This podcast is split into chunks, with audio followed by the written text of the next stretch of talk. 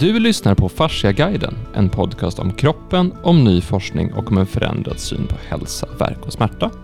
Jag heter Axel Bolin och är er programledare idag. Sitter här tillsammans med Camilla Ranje Nordin. Hej! Hej. Och med Hans Bolin. Hej. Hej! Eh, idag tänkte vi så här. Vi, vi, har, vi har just flyttat in i en jättestor lokal i Sollentuna centrum. Där vi har både Fasciaguiden och Fascia Innovation med de produkter och utbildningar vi utvecklar där och Fasciaklinikernas huvudkontor.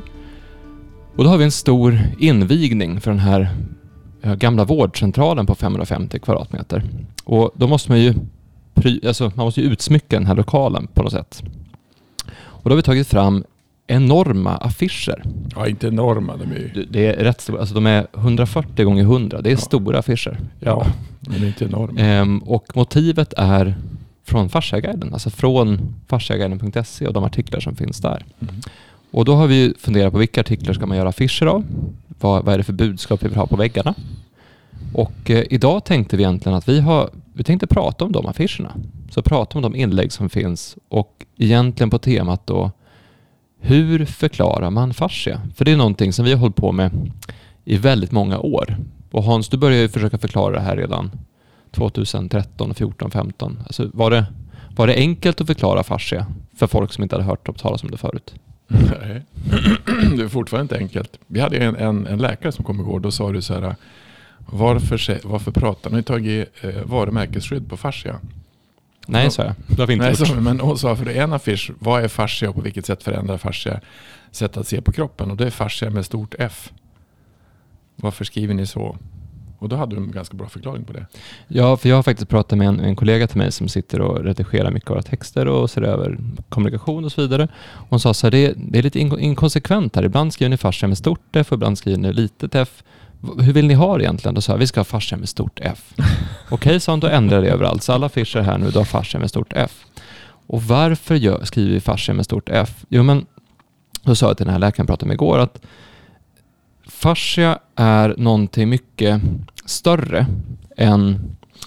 För man, man bråkar lite grann om vad fascia är för någonting. Vad, vad räknas som fascia? Är det, är det interstitium som man har pratat om? Är det den extracellulära matrisen? Är det kollagentrådarna? Är det fibroblasterna? Vad är, vad är det egentligen som ingår i fascia? Eh, är det senor och ligament? Vad, vad är det här för någonting så? Men sen som Per sa i förra, podden om vad, när man tittar på helhet och flöde. För att när du tar flöde som luften du andas, som kommer in i din kropp, då finns ett flöde av luft i din kropp. Men då är det den luften som jag andas nu, är ju den luften som du andades nyss. Så vi som sitter i det här rummet nu delar ju luft. Och det är inte ens, det är inte ens flummigt, utan det är faktiskt, det är faktiskt så det fysiskt går till. Vi, delar, vi är delaktiga i samma flöde. Och det är ju en större tanke än att man pratar om, om några trådar och någon vätska och någon hyaluronsyra någonstans.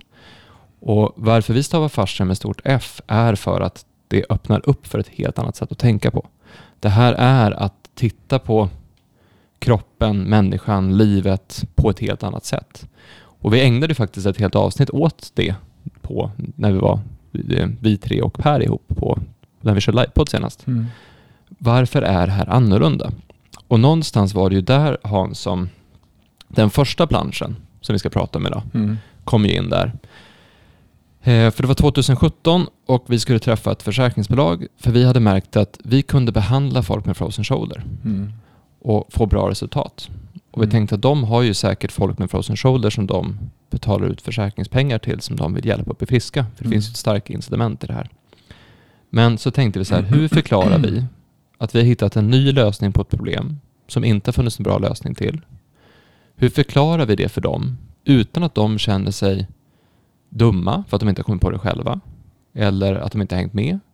Och hur gör vi så att de förstår det? Och så ska de ha någon form av medicinsk sakkunnig där också som man också måste säga hur, hur förklarar vi för dem varför de inte har sett det här förut? Jag ringde egentligen till vdn på, på, på eh, Länsförsäkringar i Stockholm. Så att, för jag visste att de hade, alltså, de försäkrar ju för saker och ting. Och mycket sak, alltså vi, eh, det är sakförsäkringar.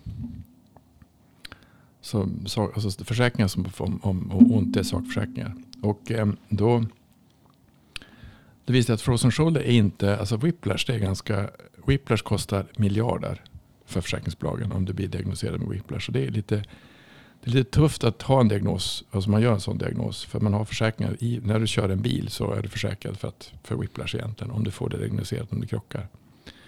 Eh, men i alla fall, då, då, tog jag kontakt med henne och sa att ja, men jag tror att det skulle vara intressant. Vi har ett nytt sätt att behandla frozen shoulder. Kan vi få visa det? Tänkte, hur ska vi kunna på... Då har man ganska kort tid på sig att berätta vad fascia är för någonting. Och så då gör vi en film, en ritfilm. På, och den vart på fem minuter. Vart, vad vart den på? Ja men drygt fem minuter. Fem minuter. Och då tänkte vi, vad ska vi göra för någonting? För att fascia är ju ett annat sätt att tänka. Och vad kan vi, hur kan vi då berätta? Hur, hur påverkar sätt att tänka oss? Alltså vad, hur, hur tänker vilka, vilka, vilka ramar har vi runt omkring att tänka? Och då börjar vi den, jag tror första tre, två, tre minuterna handlar om tid. Och eh, Einstein och relativitetsteorin och sånt. För det ändrar vårt sätt att tänka. Och egentligen så eh, på 70-talet så fick man fram den med vitenssäkerhet till, till och med tidigare än det.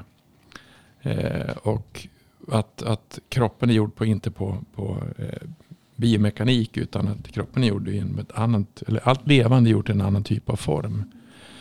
Eh, och då tog vi Steven Levin som, var, som upptäckte på en, det är en sann historia. Att, på, på, han var på ett universitet, nej ett museum i New York. Upptäckte Washington. En, Washington och såg en dinosaurie så det går inte. Och så tog vi med eh, Don Lingberg om att cellen har ett skelett som han upptäckte 98. Och sen tog vi ifrån Farsa Research Conference 2015 Eh, och sen att jag och Karl Afors gick igenom ganska mycket artiklar om fascia. Att det är ett annat sätt att se. Och det var väl inte, föll vi inte så godgjorda där egentligen. vart, vi, vart totalt platt fall, de tyckte inte det var bra. Men det som var intressant med den där, den där eh, filmen, det var ju att det var du, var Steven Levin tog kontakt med dig, var det inte så? Axel? Jag intervjuade honom och, eh, och sen så var det hans, inte han själv, men hans eh, hon som var ansvarig för hans kurser mm. och frågade kan vi använda den här filmen i, i våra utbildningar? Absolut, så jag. Det är, är bara att köra. Nej, men det som var det som var intressant med den där filmen och det arbete vi gjorde med det var att där upptäckte vi att det här är ett annat sätt att tänka på. Mm. Det är en annan idé. För då hade vi ju behandlat i ganska många år, i sju, åtta år och fått bra resultat. Och så sen så hade vi börjat förstå att det är nog fascian vi behandlar. Och så har vi börjat testa och, och, se om vi kan anpassa behandlingen utifrån att, att få bättre fart på, på fascian, öka avslappning och rörlighet. Och så du vet, då kommer man med någonting, bara, vi har hittat någonting bra och så berättar man det för folk och folk säger så här, ja men det där tror vi inte på, eller det där var inte så bra, eller vad, vad är det där för någonting? Eller har ni någon vetenskap bakom det? Jo men vi har massa forskning på det här och så var det någon, någon eh, finsk fysioterapeut som heter Jarmo Aunen som hjälpte oss att ta fram just vilka studier som pratar om om ökat vätskeflöde i vävnaden eller vad, vad ökad rörlighet eller hur vibrationer påverkar olika typer av nervändar. Så försökte vi sätta ihop någon form av förklaringsmodell till det här. Men det var med den här filmen som vi insåg att just det, det är, det är tidigare idéer som formar hur du ser på saker. Mm. För då, det första vi tar upp i den här filmen är, är Newton och The Clockwork Universe, att, mm. att universum är som mekanik, vilket Newton absolut inte trodde på men som var resultatet av hans upptäckter. Alltså Newtons lagar om gravitation och rörelse formade ju den här mekanistiska världssynen. Och den är vi jättemycket kvar i. Man, vi tänker ofta på människor som robotar eller maskiner. Vi tänker på samhället som, som väldigt maskinellt. Fast det här har ju i fysiken motbevisats gång på gång på gång. Så att idén att det är som ett urverk, den lever kvar i vår föreställningsvärld trots att fysiken har lämnat den. Och det sa jag i något avsnitt för jättelänge sedan om att vi, det är lite, för egentligen lever vi i en fantasivärld, alltså vi låtsas inte som att den forskning som finns om hur världen egentligen ser ut, den lägger vi liksom undan. Så lever vi kvar i en gammal idé. Och hur mycket idéer påverkar oss egentligen, det ser du också i form av tid som vi tar upp. Mm. Att tid är ju bara en konstruktion, tidszon är något man hittade på. Mm. Därför att man var tvungen att ha ett mer praktiskt tillvägagångssätt för hur man hanterade resor och kommunikation över, över Atlanten och mellan olika delar av länder och så vidare. När man började röra på sig på ett annat sätt. Det var bökigt att det var olika tid i Stockholm, Örebro och Göteborg. Då är det bättre att ha samma tid över, överallt. Mm. Men det är ju en konstruktion. Det är en, det är en påhittad sak. Och är man då fast i ett sånt tänkande så blir det svårt att tänka nytt. Och där har vi ju, med biologin så går det ju inte riktigt ihop. Och där Camilla har ju du tittat mycket på, vi kommer till nästa affisch sen, men jag tänkte du får, det blir en bra övergång till den. Du har ju tittat mycket på vad händer när man är fast i specialisttänket? För du, du sa egentligen så här nyss innan inspelningen.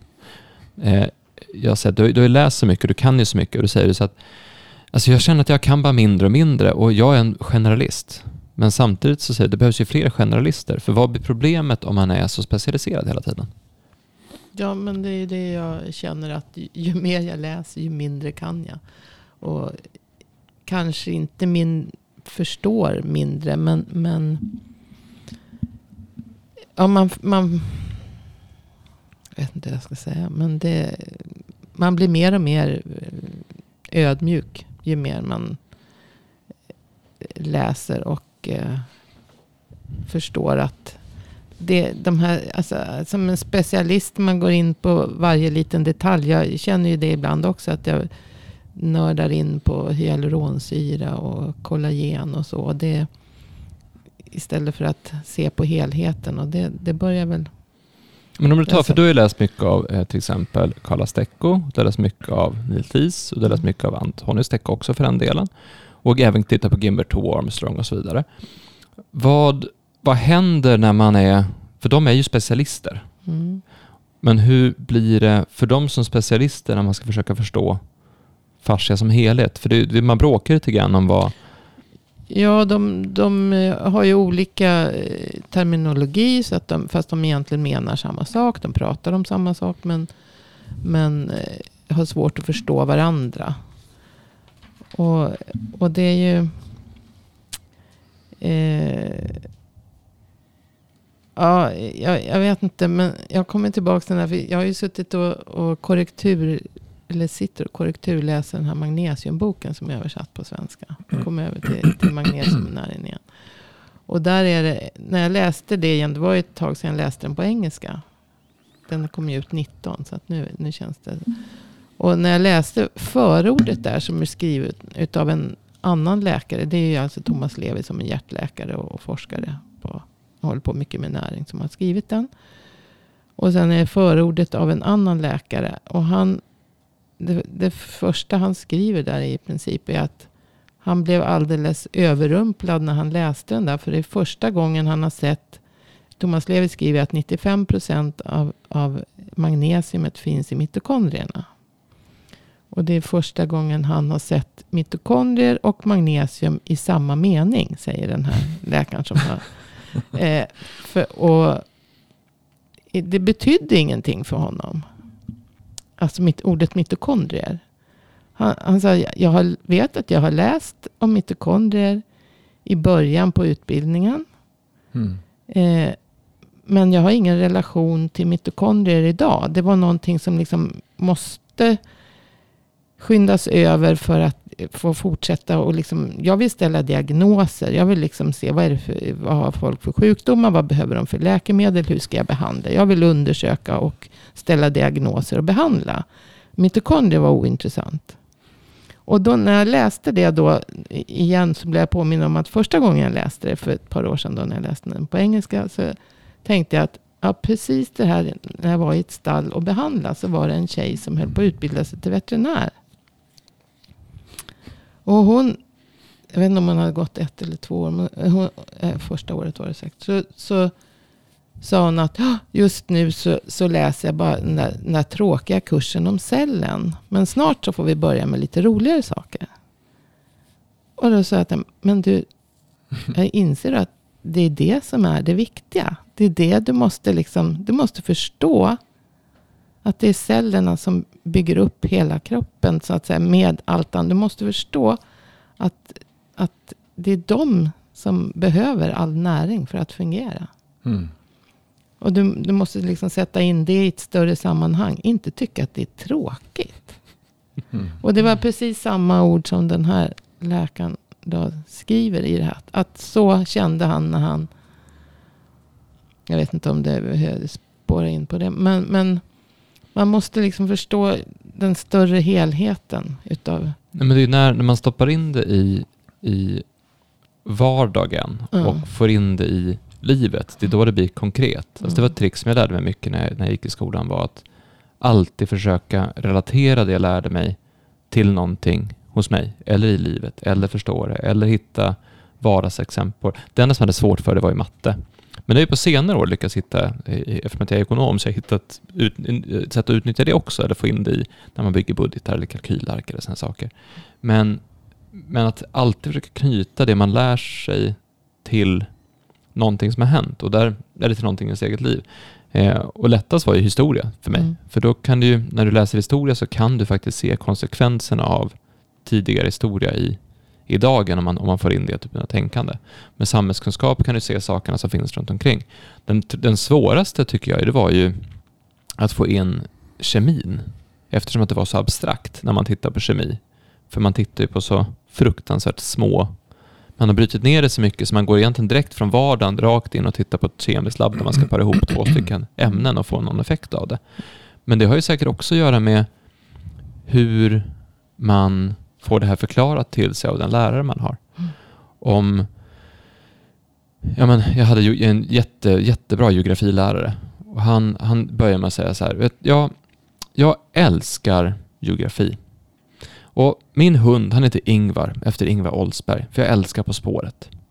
Och jag är en riktig stennörd, så att hemma hos mig hittar ni inte krukväxter, utan ni hittar stenar. Det är det jag har i mina fönster och lite sådär. Och med sin passion så fick han ju oss att börja intressera oss för stenar. Och jag kan säga att alltså, så sedimentära bergarter, det tycker jag är fruktansvärt tråkigt.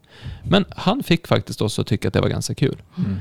Och där får du in hur mycket, hur viktig glädjen är i, eh, i att ta in någonting och hur mycket, och det är väl nu, alltså när vi nu går igenom det här som vi gör nu, att, att försöka koppla det till vad innebär det här för mitt liv? För ofta så försöker vi få en teoretisk förståelse och vi försöker fördjupa oss i någonting, men vad innebär det här för mig i vardagen varje dag? Att jag kan förstå hur min kropp fungerar. Men nästa problem som vi hade, det var ju egentligen som vi gjorde, det var ju när vi skulle göra en, vi gjorde en ganska dyr film.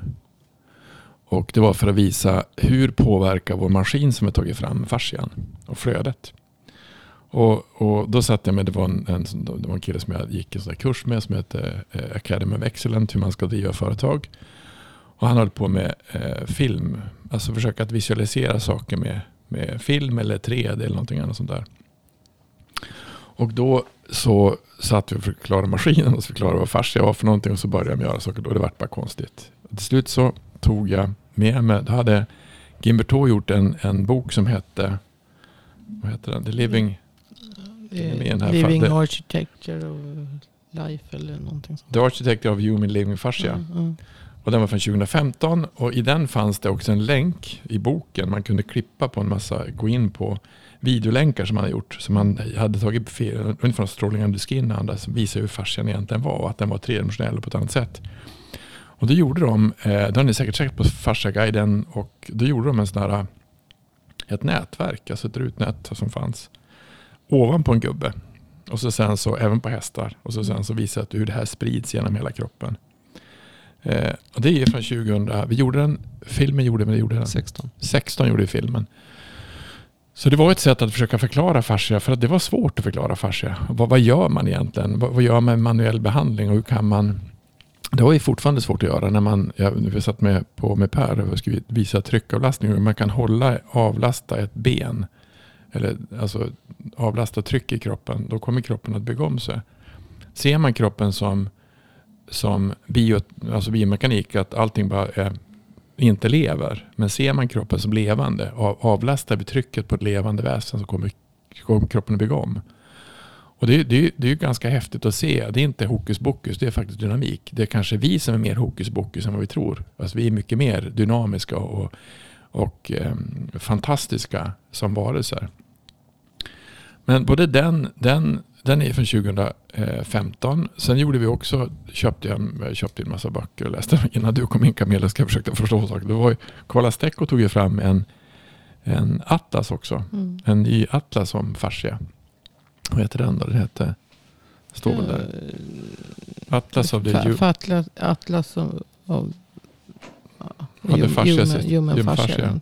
Atlas of the Human Fascial Ja. System. Mm. Och den är också från 2015. Och det vi egentligen gjorde, den där andra planschen som vi hade, den tog vi fram för att egentligen det var innan vi började med Fasciaguiden, men vi hade vi den här filmen som fanns, ritfilmen, sen hade vi reklamfilmen som handlade om maskinen och så hade vi den där planschen. Och egentligen det vi hade. Som jag förklarade vad det var för någonting. Och egentligen det svåra egentligen som vi har haft ända sedan, det är fortfarande lika svårt att när jag träffar någon, vad är fascia för någonting? Ja, det är allt. Ja, och där är, det, det luriga med den är ju att, det var ju som vi, vi har ju säkert berättat om det förut när vi skulle träffa någon som hjälpte oss med, med vår kapitalanskaffningskampanj och så sen Mm. så som sa att, man har ni hittat på det där? Ja, det Nej, sa ju men- läkaren också. Har ni, har ni tagit varumärke på fascia? Ja. Och, och så sen så, ja, men, eh, och fascia är allt. Och så sen så, vi har ju, vi har ju genom åren jobbat med, med behandling av människor. Jobbat med behandling av hästar och hundar och förlossningsvård Ja. och gravida. Och vi har tittat på, vi har gjort medicinska studier, vi har tittat på hur man gör vårdlösningar, vi har tittat på, det blir så fruktansvärt mycket spa-verksamhet och skönhetsvård, cellulitbehandling och, Mm. och fascia blir ju lätt så, så mycket. Och det försökte vi, vi försöker alltid förklara det. Så. Ja. Så det vi gjorde när vi tog fram den här affischen var att visa hur, dels har vi pratat om med, med Architecture of Life, att det finns i hela, ända ner till cellen. Eh, att det är ny struktur som för hur kroppen är, fungerar uppdelad, det här med tensegrity, som Levin hittade på med dinosaurien där.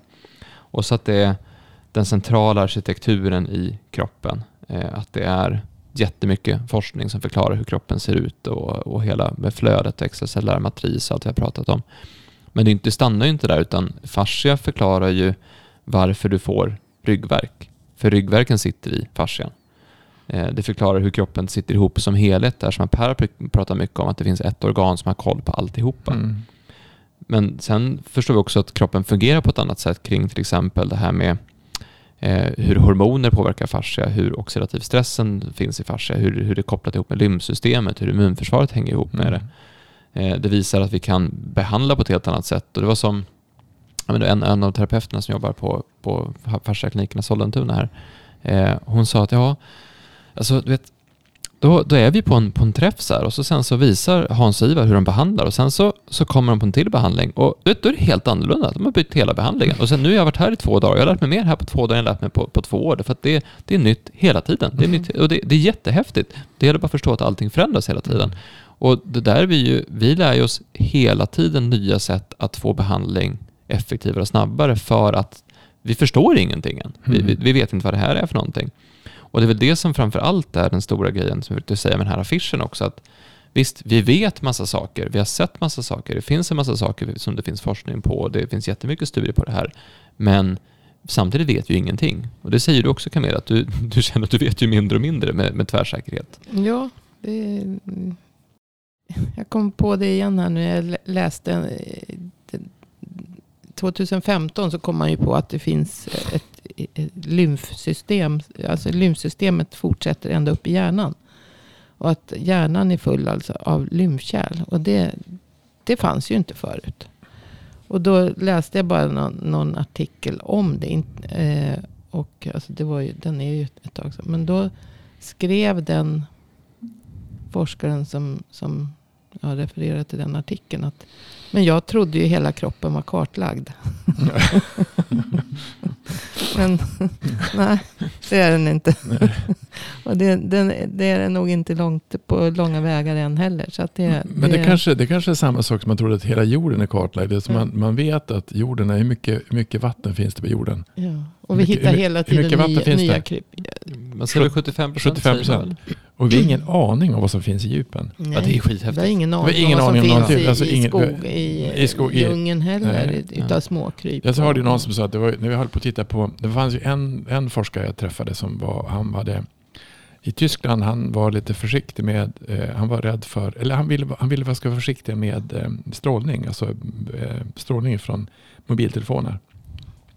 Därför att han hade sett att, att mycket av smådjur använder mobil, alltså jordens magnetfält för att navigera. Navigera. Framförallt bin och sånt där. Bin och, och de dör. Mm. Därför att det finns elektrosmog som han sa. Och då tänkte jag, då satt jag och läste och försökte titta på, men, men hur, vad tror ni är det mesta som finns på jorden? Tror ni är, det är djur? Eller mikroorganismer eller insekter? Insekter. Insekter och mikroorganismer, de vet, vi inte, de, vet, de vet vi inte ett smack om. Nej. Och därför blir det, därför blir, alltså när man pratar om, och jag var fascinerad att se hur mycket eh, insekter det fanns och hur lite man visste om dem. Mm. Alltså man vet nästan ingenting. Och ändå är de, det är de som egentligen ser till att, att, eh, att det, det, det äts, alltså för- försvinner saker och ting. Det går till kretsloppet som finns. Det är ju insekter och mikroorganismer som gör det. Mm. Vad händer om vi förstör det? Så det, det, det, alltså det, det någon forskare som höll på med insekter. De, de har inte ens sammankopplade. De, har, de har inte ens kollat på alla insekter som finns. Utan, eh, Men då upptäcker vi nya arter hela tiden. Men det är som det här med att, att eh, jag minns det var en dokumentär som heter Sista skörden som handlar just om, om hur vi bedriver jordbruk och att vi har kopplat bort matjorden från berggrunden, vilket gör att vi har mindre mineraler i maten och så vidare. Och där visar de att det man har upptäckt nu är att det finns eh, mikrosvampar. mm. Och de har man aldrig tänkt på förut. Och det var lika mycket mikrosvampar i ett gram jord som det var. Det var hur mycket svampar som helst. Och det var här som såg till att, att eh, eh för att då ville berggrunden ville ha, om det var koldioxid tror jag, från atmosfären. Som via växterna så bytte de det mot eh, mineraler. Så att det fanns ett naturligt, det är inte så att växterna ska få mineraler bara för att, utan det sker ett utbyte däremellan som gynnar båda parter. Att det Mm. finns en perfekt egentligen balans emellan. Och det är inte så konstigt att det finns en perfekt balans mellan ytliga växter och berggrunden om den här planeten har funnits i flera miljarder år. Mm. Så har det där utvecklats med, med tiden såklart. Och så har vi kommer börja gräva i det här. Mm. Men just att vi inte, just att vi inte förstår allting, alltså att vi, och det, det är så fascinerande med vårt, med vårt förhållningssätt till vetenskap, med vårt förhållningssätt till naturen, vårt förhållningssätt till hur vi ser på saker. För vi, vi vet så fruktansvärt lite om den värld vi bor i. Mm. Så vi, om vi bara radar upp det här nu. Vi har alltså hittat ett helt nytt organ, fascia. Nytt Mm. sätt att sammankoppla kroppen. Ett nytt sätt att förstå allting på. Som vi pratade om det här med att när jag andas, i det flödet jag andas i så sitter vi ihop. Mm. Och sen har vi hittat tarmflora och, och mikrobiomen. Mm. Och att vi nästan består, det är mer av oss, vår fysiska kropp, som är utom kroppsliga bakterier än det som är min kropp. Det är tio gånger mer. Det är, rätt, det är rätt mycket mer. Okej, sen har vi djuphavsutforskandet eh, utforskandet som märker att shit, vi har inte ens koll på vad som finns på vår egen planet. Och då har vi inte ens pratat om att är ute i rymden, nu pratar vi bara om den här planeten. Och så sen så har vi insekter vi knappt har upptäckt och förstått. Och så har vi djup, djupaste djungeln där det händer saker och sitter ihop på ett annat sätt när vi inte heller har förstått någonting av.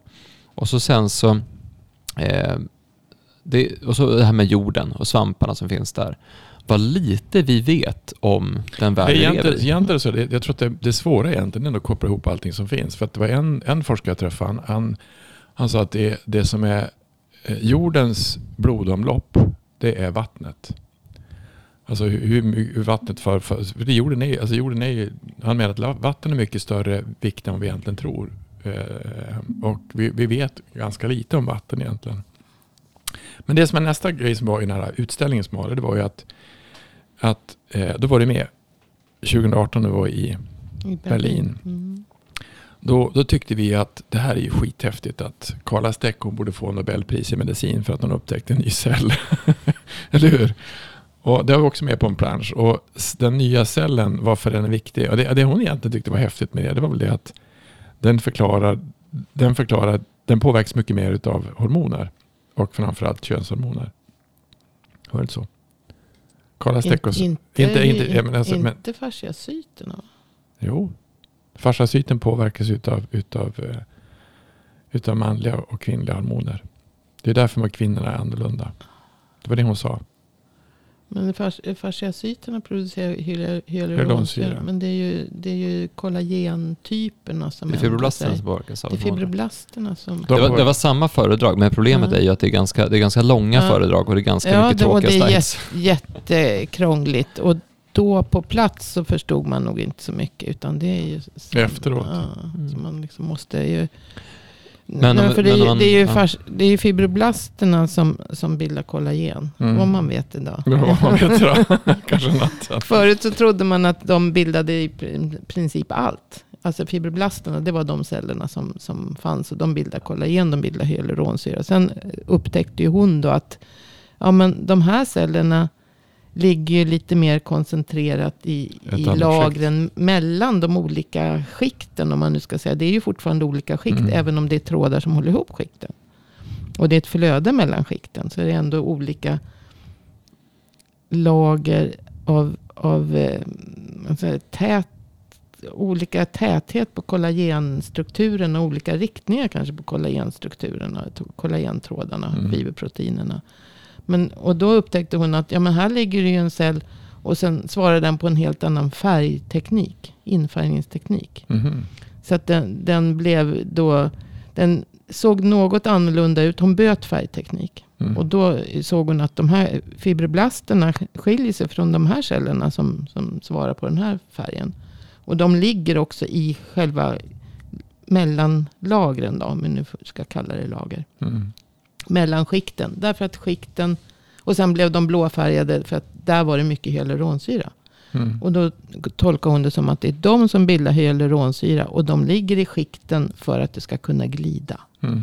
Men fibroblasterna som bildar kollagen ligger mer mitt i vävnaden. Så att säga. Inuti de olika lagertyperna. Men östrogen, då, då menar jag Ja, att de på, östrogen, påverkar bägge de här skikterna då? Eller bara, nej, bara? framförallt fibroblasternas produktion av kollagen. Det är ju kollagentyperna som ändrar sig. Mm. Alltså med östrogenen påverkar så att det blir mer kollagen typ 3 Mm. istället för typ 1. Då. Mm. Och egentligen kan man säga att de här två upptäckterna, alltså det är ändå intressant att på en föreläsning av en professor så presenteras två stycken väldigt, alltså väldigt omfattande upptäckter. Mm. För fasciacytupptäckten är ju, det var ju även att man man förstår helt plötsligt varför det är viktigt att göra en viss typ av stretch eller rörelseövningar eller att få, få liksom lyfta på lite grann eller dra ut lite grann med armen eller som, Mm. som ett barn eller en hund som sträcker på sig för att just stimulera produktionen av flödet, alltså för att få, få, få saker att glida bättre. Mm. Och det, har, ju- det har en direkt konsekvens på hur man tar sig an träning, behandling, rörelse eh, i livet egentligen. Mm. Och det, det är en väldigt, det är en ny cell, det är en ganska revolutionerande upptäckt. Mm. Den andra upptäckten som vi har pratat mycket mer om på senare år, det finns en artikel på Farsagen också om, om, om hormoner, det är ju att, att kvinnokroppen är diametralt annorlunda från manskroppen. Mm. Vilket alla ja det är klart det. Men så har man inte sett på det anatomiskt tidigare.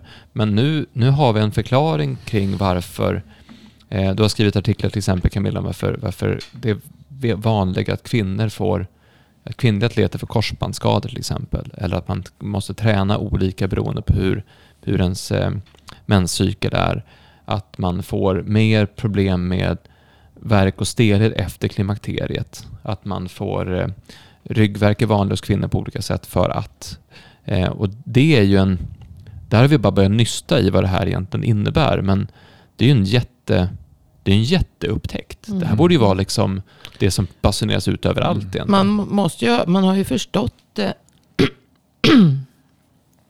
ursäkta, eh, förut i och med att man, man använder ju bara hanråttor i försök. För att komma ifrån det här med hormonvariationerna. För det är så jobbigt att ta hänsyn till. Ja, det är väl framförallt svårt därför att, eh, att ta hänsyn till om man ska undersöka en. Eh, Det är ju det som är problemet med, även, alltså, med forskningen. Du undersöker en sak. Det var ju samma sak med det här med hormonerna och östrogenerna. Att, att man tillsätter östrogen så händer en sak med kollagenet. Eller det, händer, eh, det ändrar sig då beroende på eh, mängd eh, östrogen. Men sen sätter du till ett annat hormon också. Då ändrar sig det svaret. Så att då blev inte eh, förändringen så jättestor. Utan den jämnade ju ut. Men, och då har man tittat liksom på två hormoner samtidigt. Och vi är ju fulla utav hormoner som hela tiden samspelar. Och liksom varierar beroende på ja, dels vad, vad som händer runt omkring. Vad vi äter och, och, och Mm. Och det, det är ju där så blir det blir så fruktansvärt komplext. Det är ju fruktansvärt komplext. Så det blir ju bara, man blir bara mer och mer trött och, och utpumpad ju mer man är. Ja, och det är ju samma sak som man säger med om man börjar ta hänsyn till tarmfloran också på det. Då, då går det, det går ju inte att, att få någon slags entydigt svar på hur, hur kroppen svarar på olika typer av belastning, läkemedel, mat, vad som, eftersom om, Men du därför, har inte en aning om hur tarmfloran ser ut. nej, därför blir Hos- det ju jätte, därför blir det jättemärkligt. Det Så vissa saker som blir är... så tokigt allting så att mm, Vi hade- man vet hade inte en- liksom var man ska börja. Ja, men vi tar, vi tar, om du tar det här med, med andning och högt blodtryck. Alltså andas du rätt så, så minskar blodtrycket. Ja, och då säger man varför äter man blodtrycksmedicin då om man andas fel? Det blir jättekonstigt. Men, men det, det är både med inte kanske med den, men perspektivet som finns med att kroppen hänger ihop och allting, alltså allting är mycket mer komplext än vad man tror. Och framförallt med mikrobiomen och immunförsvar och allting. Som det var, jag satt och kollade mycket på det med 2020 när pandemin kom. Eller så kallade, det var att man, det var, det var en karl som, som eh, en virolog som pratade med en karl som hette, en forskare som heter Dr. Shiva som har undersökt cellen, det vi pratar om. Hur viktigt, hur, hur, fungerar cellen? För cellen är egentligen det som påverkar hela kroppen. Alltså det, vad, vad, vad gör ja, en cell? Det är ju cellen som, cellen som, på, som producerar som, energin. Alltså det är ju den som måste... Han, han, Dr. Shiva, han, han, han, var den som hittade på, när han var 16 år, tog fram eh, e-postsystem. Och sen han, han är ingenjör och sen läste han också medicin. Och då satt de där och diskuterade med virolog och sa det finns ingen, och jag lyssnade på det här tre gånger, jag spårade tillbaka och lyssnade igen, spårade tillbaka och lyssnade igen. Det finns inget vetenskapligt bevis på koppling mellan aids och hiv. Och sen spårade jag tillbaka, vad sa han för något? Vad sa han? Spårade tillbaka, det finns ingen vetenskaplig koppling mellan aids och hiv. Nej, vänta, vänta, vad sa han? Det är sjukt, det går, inte, det går inte ihop. För att alla, men då sa han att det som egentligen hände med att de som hade eh, eh, aids, alltså hiv-viruset, de som utvecklade sjukdomen aids, det var de som hade väldigt svagt immunförsvar. Eh, och sen så har man visat sig att då i vissa länder i, i Afrika så har man väldigt mycket hiv, alltså mycket hiv spritt, men de har inte aids. Eh, och det, det, alltså det, det, det, det, det är otroligt intressant att se sätt att kroppen är mycket mer komplex än vad man tror att den är. Men vi, är, vi är van att simplifiera saker och ting så extremt mycket så att egentligen förstår man inte. Man förstår kanske ingenting. Eh, Fast tror... man förstår ju väldigt mycket i alla fall. Men, men det som jag tror det som vi försökte göra med när vi, när vi gjorde den här eh, med, med fasciasiten som, som hon hittade och även med, med TIS som hade då fått kroppen till alltså, att interstitium eller fascia var ett nytt organ. Fast han kallar det interstitium. Han kallar det interstitium fast det är egentligen samma sak. Det är flödet då. Så tänkte jag det här kommer ju alla landa på. Alltså kommer alla skriva om. Och det är inte skrivit någonting nästan om det. Men det är kanske som du har sagt i ett program Max, eller som, som citerar Per. Att vad händer om vi, om, om, om vi får fart i någonting som ändrar hela vår historiesyn?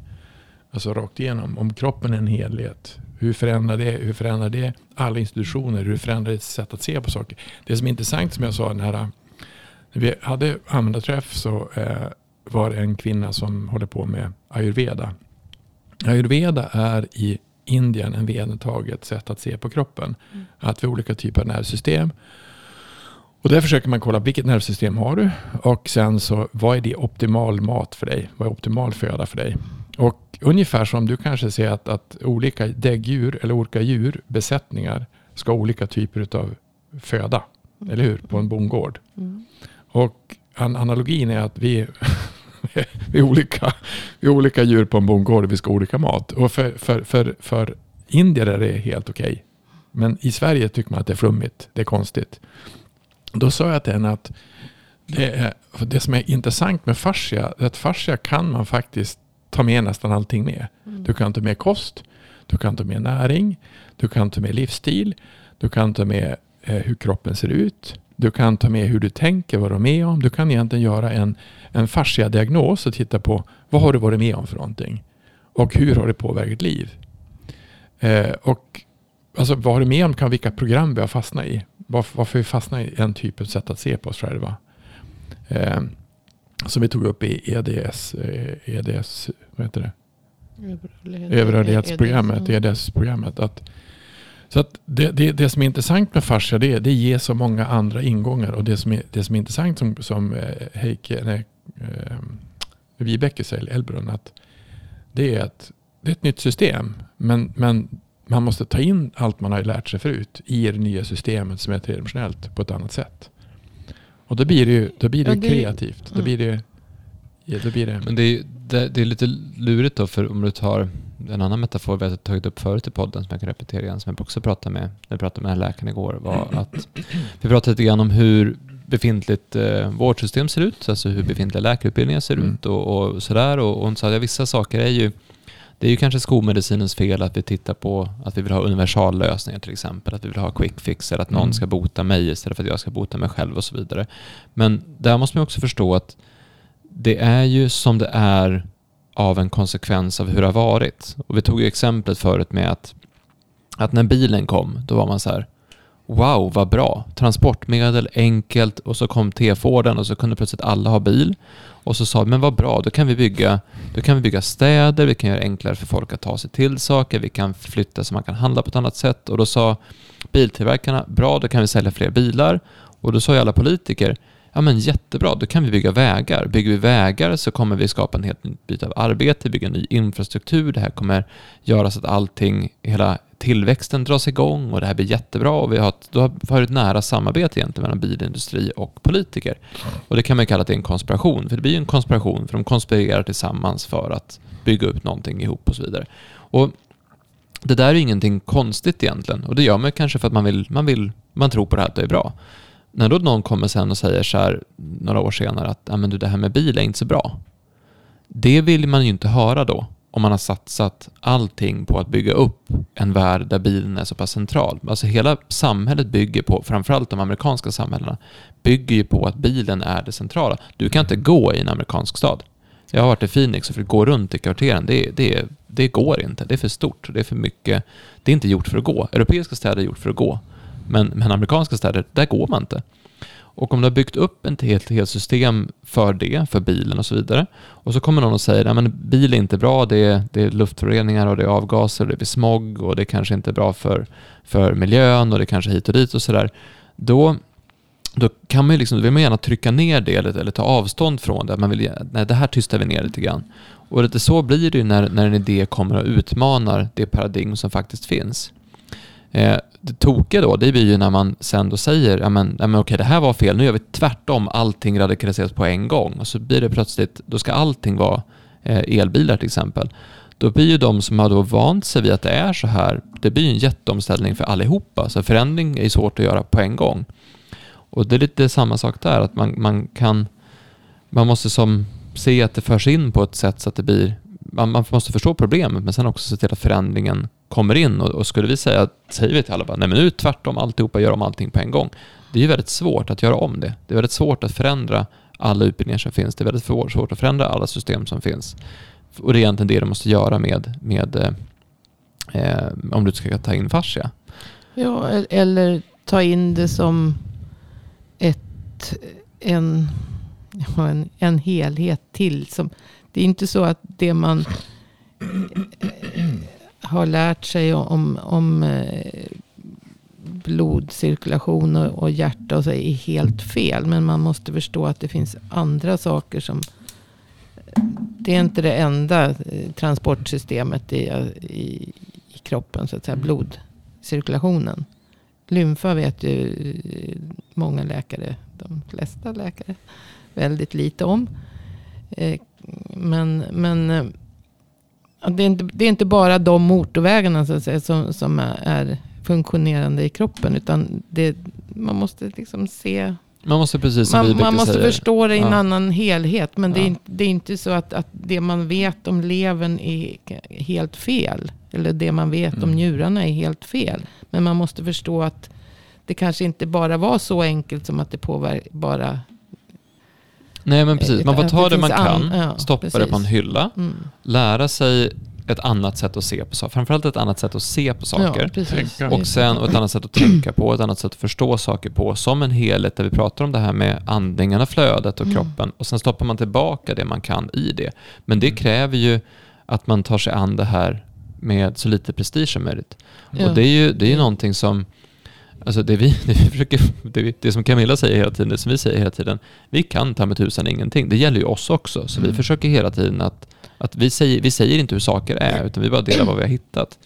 Eh, men sen har vi gjort, vi har ju, om vi ska gå vidare, så vi har gjort en hel del på samma tema. Då. Eh, 2019 började vi göra massa poddar tillsammans med Per. Mm. Det var intressant att få in någon som har läst så fruktansvärt mycket om så fruktansvärt mycket och kommit fram till att kroppen är ganska viktig. Eh, och sen få berätta hur vi har lärt oss se på kroppen. För det vart ju en stor grej för honom också, att han började se på kroppen på ett annat sätt tack vare de poddarna vi gjorde 2019-2020 när vi också lanserade Fasciaguiden. Mm. Och det där har vi någonstans fört vidare och slutsatserna från de poddarna eh, lanserade vi som den här sjustegs Fasciaguiden Där den första delen är just att vi har förberett oss hela livet för att inte kunna förstå fascia. Alltså vi är så tränade i att separera saker och dela upp saker att vi har svårt att förstå en helhet. Det här har vi pratat om tidigare, men, men just det här med att vi, vi tror inte att vi är vår egen kropp. Att man ser inte sig själv som att jag är en kropp, utan att man har en kropp. Och det här kommer vi fortsätta utforska vidare. Och på samma sätt som vi också varit inne på tidigare avsnitt så, så låtsas vi om att en död kropp och en levande kropp är samma sak. Alltså vi ser kroppen, när vi tänker oss kroppen så tänker vi den som ett dött objekt. Vi, omedvetet har vi en död kropp i åtanke när vi tänker på en kropp och inte en kropp som lever och är under ständig förändring. Um, och Jag tror man måste förstå att, att man är intränad i att inte förstå det. Man är intränad i ett annat mönster. Även om man har hållit på nu och tittat på en levande kropp Hans i flera år mm. så är det fortfarande så att man tänker, man förstår nog inte riktigt hur levande kroppen faktiskt är. Nej. Jag tror att, nej precis. jag tror att eh, det som är lite jag tror att det svåra egentligen det är, jag satt och sa till dig idag nu börjat att det finns två uttryck som är intressanta. Det ena är abundance eller överflöd och det andra sustainability. Alltså att man håller kroppen i sustainability, att, att hållbarhet. hållbarhet. Mm. Och, och, det som egentligen, vi pratar mycket om abundance, inte mycket om abundance men mycket om sustainability och hållbart samhälle och allting. Men vi är abundance, vi är överflöd. Alltså allting som är den mänskliga kroppen är överflöd. Och allting så länge kroppen lever är sustainability. Eh, och det är det som är så intressant. När man pratar om de sakerna, alltså överflöd och hållbarhet. Så det finns väl ingen bättre fordon att vara i än kroppen. Den kan ju nästan fixa allt möjligt. Alltså det är intressant vad vi kan göra med kroppen och ändå. Alltså jag tycker det var intressant när, jag, när man gick på skolan. Alltså när, jag, när jag var på, på 80-talet då, då var det rätt mycket sån här punk som kom fram och rätt mycket droger. Och det fanns ju några kompisar som råkade ut som vart heroinister och så. Och en, och, och en del vart ju friska efter ett tag. Så man knarkade i fem, tio år och så sen så slutade de knarka och kroppen lever i alla fall. Det, det, är rätt intressant hur mycket stress man kan utsätta kroppen för. Den ändå funkar. Mm. Eh, alltså om du tar, jag tänkte på Rolling Stones. Alltså de har ju, vilket jävla liv de levt. Och de, är ändå, de, är ändå ser ut som att de är rätt okej. Okay. De har kanske gjort en massa saker men de har levt ett hårt liv. Eh, och ändå klarar sig kroppen. Alltså, hur, den kan, du kan nästan misshandla den mycket som helst, den klarar sig i alla fall. Den är otroligt anpassningsbar. Otroligt anpassningsbar. Mm. Sen så säger jag att, att vi inte är det. Jag säger att att, att vi, har, vi, vi, måste ha ett hållbart samhälle. Men vi lever i ett hållbart samhälle. Jag är i ett hållbart samhälle. Hans Bolin är hållbar. Alltså varför säger man till ungar istället att det är ett hållbart samhälle lever i? Du är inte hållbar. Och du är överflödig. Jag brukar säga till de som kommer till en del äldre damer. Så, ja, jag är så, äh, inte damer, men jo, jo, faktiskt både äldre damer och herrar. Mest damer. Hej, kraschligt med mig nu. Jag är inte så bra. Jag är så, ja, du, om, du, om jag träffar dig om sju år helt ny så jag. Vad håller du på vad tjafsar du på? Och så berättade jag om hon som var med på en som jag hade som var 89 år gammal som var med på studien som vi hade. Minns du hon andra som kom? Som hade frozen shoulder och hade ny, ny käresta. Och var frisk på 20 minuter. och så fanns det andra som var mycket yngre som hade mycket mera narrowed minded, alltså sätt att se på sig själv. Och alltså, om man tänker på att vi är 50 triljarder celler och vi är då 10 gånger mer mikroorganismer och de här cellerna, de ombildas. Hur, hur, hur fort går cellmigreringen? Hur mycket kommer varje dag? Ja, det beror ju på vad det är för celler. Men det, men det är mycket. Uh, uh. Alltså det, det, jag tror att det är någon som säger att det föds 100 000 celler varje, varje mm. sekund. Mm. Då är det ju, det är rätt mycket som vi ombildas. Eller som jag sa förra programmet, att stamceller heter egentligen, det är egentligen embro, äh, vad heter det? embryo, em, embryonala celler. Embryonala mm. celler, fast vi har döpt dem till stamceller när vi är vuxna. Mm. Men egentligen är, det så, egentligen är vi barn mm. och, och, på, och förnyas hela tiden.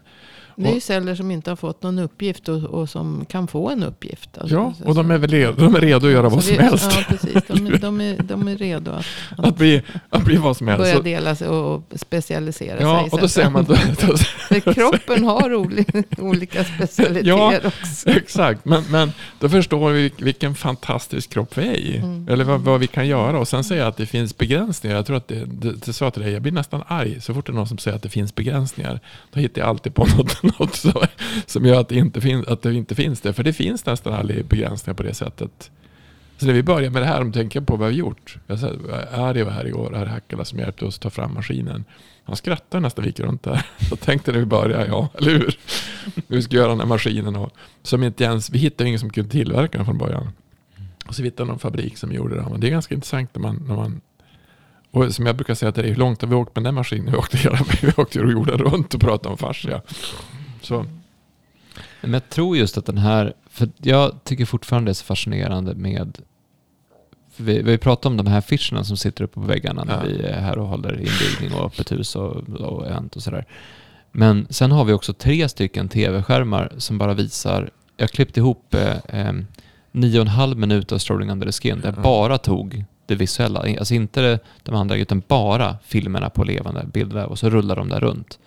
Och det är någonting som händer i människor när de De stannar ju upp och så säger vad är det för någonting? Ja, men när man ser, när man ser hur kroppen ser ut. Först när man ser hur kroppen Mm. ser ut inuti. Mm. Och så sen så vad vackert det är och vad fint det är Mm. och vad häftigt och rörligt det är och vilket, Mm. oj, oj, ser det ut sådär så. Mm. Ser det ut sådär i kroppen. Men sen när man gör kopplingen att, jaha, jag ser ut sådär Ja. i kroppen. Mm. Och förstår, jaha vänta, det är ju min kropp jag ser på bilden. Så det är så här det ser ut i min kropp. Mm. Och sen så kommer nästa insikt och det är, jaha men om det ser ut sådär, vad innebär det för mig då? Ja. Att vara, jaha, det, det är därför som, och med de där, med de där bilderna eh, som man har som bakgrund så är det ganska lätt att förklara för någon att ja men om du sitter framåtböjd och så sen så gör du alltid det. Då säger kroppen, okej, då anpassar jag efter, efter det. Ja, ja, ja, för det, det är så, ja, ja, kroppen gör som jag vill. Ja, precis, kroppen gör som du vill. Om du vill sitta framåtböjd, då säger kroppen, Ja, Jaha, du vill väl så. Och du, jag antar att du vet bäst. För att jag menar, det är ju liksom... Jag är ju här för... Alltså det som är häftigt med kroppen är att kroppen är ju en... Det är ju våran... Det är våran ödmjuka tjänare. Mm. Men det är först när vi lär oss att tjäna våran ödmjuka tjänare som det händer saker. Mm. Alltså när vi intar positionen att vi faktiskt gör det som är bra för kroppen och tjänar kroppen. Det är då vi tjänar oss själva fullt Mm. ut. Men tills vi gör det så kommer ju kroppen alltid ställa upp. Ja, okej, du, vill, du, vill, jaha, du vill köra hårdträning, längdskidåkning varje dag, eh, stenhårt. Ja men okej, då gör vi det då. Jag lyssnade på ett, ehm, Den försöker i alla Ja, men fall precis. ställa upp. ja, men jag lyssnade på, på ett podcastavsnitt om den ukrainska fotbollsspelaren Andrei Shevchenko. Mm. Och då var det deras eh, eh, 90-00-talets ukrainska fotboll. Det fanns en tränare som hette Lobanovski som tydligen revolutionerade hela, hela fotbollen egentligen. Han var först med det som han håller på med idag. Det var han först med på 80 och 90-talet i Ukraina. Eller dåvarande Sovjet också. Och han, alltså han körde stenhård fysisk träning. Alltså det var så ett löjligt hård fysisk träning. Och då fick ju de här fotbollsspelarna se vad kroppen faktiskt var kapabel till att klara av när man vill då. Sen så eh, var det ju många som inte klarade av det och gick sönder. Alltså så. Men de som klarade det var ju alltså fysiska praktexemplar. Och det är ju ett exempel på att se vad, vad kroppen faktiskt kan göra om man, om man vill. Så, alltså om man bestämmer sig för att göra så, så kan ju kroppen verkligen bli en, en, en fysisk maskin. Sen är det inte säkert att det är bra. Eller det är förmodligen så att det absolut inte är bra. Mm. Men, men vad kroppen faktiskt kan göra, vad vi kan göra när vi, när vi har den biten. Men, då, men när man då har den här, det som är intressant är att när jag vill det då, det säger att jag vill sitta framåtböjd, eller jag vill sitta i soffan mycket, eller jag vill spela mycket tv-spel säger vi, Mm. då sitter man både framåtböjd och i soffan och så vidare. Och det är många som gör det framför en skärm hela tiden. Då kommer kroppen att anpassa sig efter det. Men allting vi gör får ju konsekvenser. Och det är där det blir intressant. Vilka konsekvenser får min vilja? Och det är ju inte bara i kroppen, det är ju allting. Alltså om, Mm. jag, om jag är på ett visst sätt, om jag tar mycket plats, vad får det för konsekvenser? Om Mm. jag tar lite plats, vad får det för konsekvenser? Om jag gör det jag brinner för, vad får det för konsekvenser? Om jag, om jag fortsätter ha ett jobb som jag tycker är tråkigt, vad får det för konsekvenser? Mm. Allting vi gör får ju konsekvenser både för oss själva och för vår omvärld runt omkring oss. Mm. Och när folk börjar förstå det, då är det så här, ja, jaha, så det, det är jag som, ja, det är jag som är ansvarig för hur min kropp ser ut. Ja, precis. Jaha. Och det kan, jo men det kan vi, vi kan hjälpa till med det för att vi kan hjälpa dig att få eh, rätt förutsättningar för att hålla dig frisk. Alltså så här, det här gör vi för att bygga om kroppen. Men sen beror det på vad du då gör med den sen. Och vill du ha hjälp att hålla dig igång, ja då har vi kosttillskotten och då kan man tänka på näring. Och om du tittar på det Camilla, hon har, hon har läst om det här jättemycket och sen har hon gjort en fantastisk hälsoresa. Hur mycket kosttillskott äter du varje dag Camilla? Frågade en kompis till mig igår. Så här. Och hon, hon bara, ja. Vet, jag har räknat så mycket länge. Jag har en näve här och så bara sväljer jag den och så har jag en näve till och så sväljer jag den också. Så det, det är mycket kosttillskott. Han får Mm. järnspikar. Så mina två kompisar som är sjuka, de kanske, ja, men de kanske ska börja ta lite kosttillskott och se vad som händer. Näring. Och se om det blir bättre. Och det där blir ju en...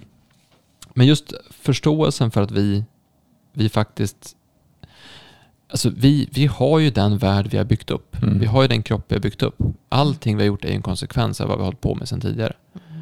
Och, den, och det, finns, det, jag tror att det, det, fanns, det finns två saker som jag tänkte på som man kan faktiskt, som jag var med om, jag berättade förut också. Jag, jag bestämde någon gång när jag var 39 tror jag att jag skulle sluta röka. Jag rökt sedan jag var 12.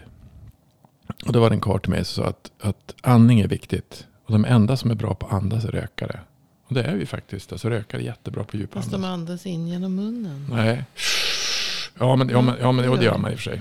Ja. Men, men man är bra på djupandas ändå. I alla fall. Och så slutade jag röka. Det som hände då det var att min kropp var ju helt förstörd. För jag slutade röka på en gång. Den hade ju inställd på att jag skulle få alla de här gifterna hela tiden. Och det kanske var så i fem, sex veckor. Men jag gjorde ju det därför att eh, jag hade fått stämbandsförlamning. Och då sa de att det är kroniskt, det kan inte växa tillbaka. Men det gjorde det. Alltså kroppen kan ju, om den får möjlighet, så kan den repa nästan allting. Vi tror inte att det är så, men så är det. Jag har ju varit med om det många gånger. Att, att man sett sådana saker. Så att det, det, det som är intressant, som jag tänkte på, det var en annan sak som en kompis med han sa. Att, att det är så konstigt det här med man, man är så med i en film, sa han. Men det, jag är både manusförfattare, regissör och skådespelare i samma film. Ja, kanske det är så. här. Vem skriver manus då? Och då kan det ju vara så att manus kanske är någon annan som skriver åt den. Manus kan ju vara vilka idéer vi har. Vilka bolag vi är i. Vad vi gör för någonting. Men regissören, det är ju och den som är skådespelare. Jag jag är med i min egen film. Ja, och ibland kan du faktiskt ta dig an en roll som egentligen inte är du. Exakt, och då blir det rörigt om man gör det. Men hittar man, hittar man manus, manus med att jorden, att vi är eh, oändliga och att vi är i harmoni och att vi är, vi är sustainability. Då kanske livet blir lättare. Då kanske och börjar man reflektera på vad vill jag någonstans, då kanske blir livet lättare. Då kanske det är lättare att gå ifrån någonting som var dåligt till någonting som är bra. Mm. Eh, Ja, och varför kan man inte... Vi sa ju någon gång att man kan sträcka upp armarna ovanför huvudet. Och då blir man Då blir glad. man glad. Jag brukar göra det på min dotter. Jag sträcker upp sig så här, Wii! Och så armarna ovanför huvudet. Och så, sen säger jag Wii! Och så armarna ovanför huvudet. hon skrattar ju som en tok alltså. Då provar jag att göra samma sak med min fru. Gör de det då? Nej. Wii! Men då var det, så fanns ett motstånd först. Ja. Men sen efter ett tag så började hon skratta också. Ja, ja. Och så kan man, man kan, man kan fuldansa. Också Ja, jättekul. jättebra. och tjoa runt. Och så här, Ja. Eller jag tror man ska hitta sätt att vara lite mer goofy. För att om man tittar Ja. på, alltså lite mer eh, sprallig. För tittar Ja. man på, på barn, så de är ju så. Alltså det var em, en kollegas son var här och så sen så kom han in på mitt kontor och så sen så jag har just fått in ett, mitt eh, gamla trumset står på mitt kontor nu, för jag har ingen plats hemma och så tänkte jag det är perfekt i pauserna men när han jobbar kan jag trumma lite grann. Och han bara "Åh, trumset får jag spela? Jajamän så här. Och så står han och bara bankar så här. Ja, okej tack nu är jag klar. Och så då har han spelat sina fem minuter och tycker Mm. att det är fantastiskt. Så det är mycket mer vet, men det är inte som att någon, någon annan som vill spela trummor som är lite äldre går in och säger så här, hej får jag spela? Utan de tänker de att de stör eller så. Men han är Ja. fem, fem och ett halvt, så han säger så här, hej får jag köra? Ja, men det är klart du får. Och det, är- det är en annan, varför kan vi inte vara lite mer, jag tror vi måste vara lite mer så. För att ta Mm. oss an saker på ett annat sätt. Mm. Och man, man kan ju faktiskt välja att vara lite glad också. Mm. Och vara lite så. Och Det är så, det, är så, det, det, det är inspiration och i nytänkande. Det, det är så allting kommer. Men eh, man tar ju hand om, om kroppen och man stressar av. Eller, och, eh, alltså, oavsett om det är en sån där Mm. avstressande eller eh, man tänker på att få i sig rätt näring eller umgås med... Mm. När, ja. Men det som är intressant det vi har gjort nu, för nu har vi suttit och pratat om det här. vi- Alltså, de affischer vi har satt upp, hur många har vi kvar? Många. Fem stycken. så det som, det som är lurigt är att jag satt, vi gjorde de här affischerna och satte upp dem och så går man med folk. De ser ut som mälare till slut och de ska ta in all information som vi har satt upp. Och de, de hinner ju inte mer, det går ju inte. För att det, alltså, gå igenom den här utställningen som vi gjort, det kanske ska ta två timmar. Och jag brukar springa ja, igenom ska på, man läsa alltihopa så tar Tar det två det timmar. Och ska man Och- förstå också då. så tar det ännu längre tid. Och jag sa, vi jag sa när vi satte upp det här, alltså det är nog vi är någon sån här informationsjunkies tror jag. För att jag tror att det, folk, det är för mycket. Det är för mycket att ta in. Utan man kan ta in en, en, lite saker i taget. Men, mm. men framförallt det som jag tror är viktigt är att förstå att vi är helt annorlunda. Alltså vi är mm. fantastiska, vi är mirakel, vi ombildas, vi kan göra otroligt mycket saker. Eh, och eh, jorden är fantastisk, universum är fantastiskt och vi är fantastiskt och allting sitter ihop. Mm. Då blir det lite mer som vi sa med, med att det är på samma sätt som man kan titta universum. Alltså om, om, tar, om det finns the electric sky, då, då, är, då är elektriciteten eh, universums fascia. Då kan man förklara saker på ett annat sätt. Så det förklaringsgrunden som finns som är lite naivistisk eller eh, reduktionistisk som vi har egentligen att se på kroppen. Det är det som är det svåra. Men det som jag tycker är intressant med fascia det är det i fascia så ryms helhet på ett faktiskt dynamiskt, eh, dynamiskt konkret anatomiskt perspektiv.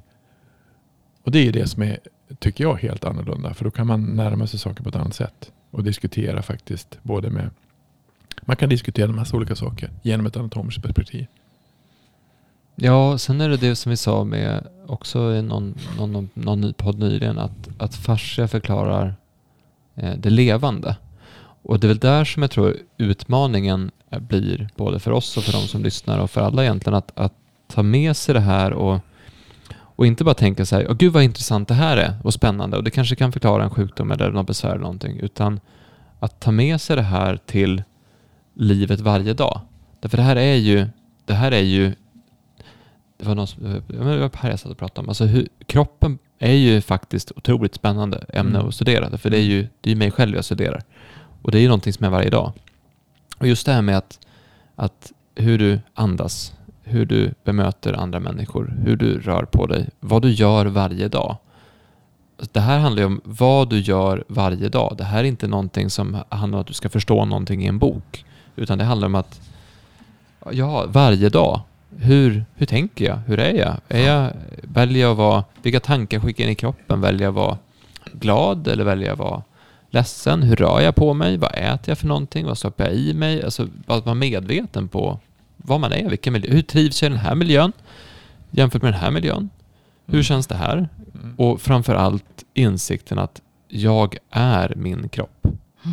Mm. Och vad innebär det egentligen? Och det är någonting vi kommer att prata mycket mer om framöver. Vad är en kropp egentligen?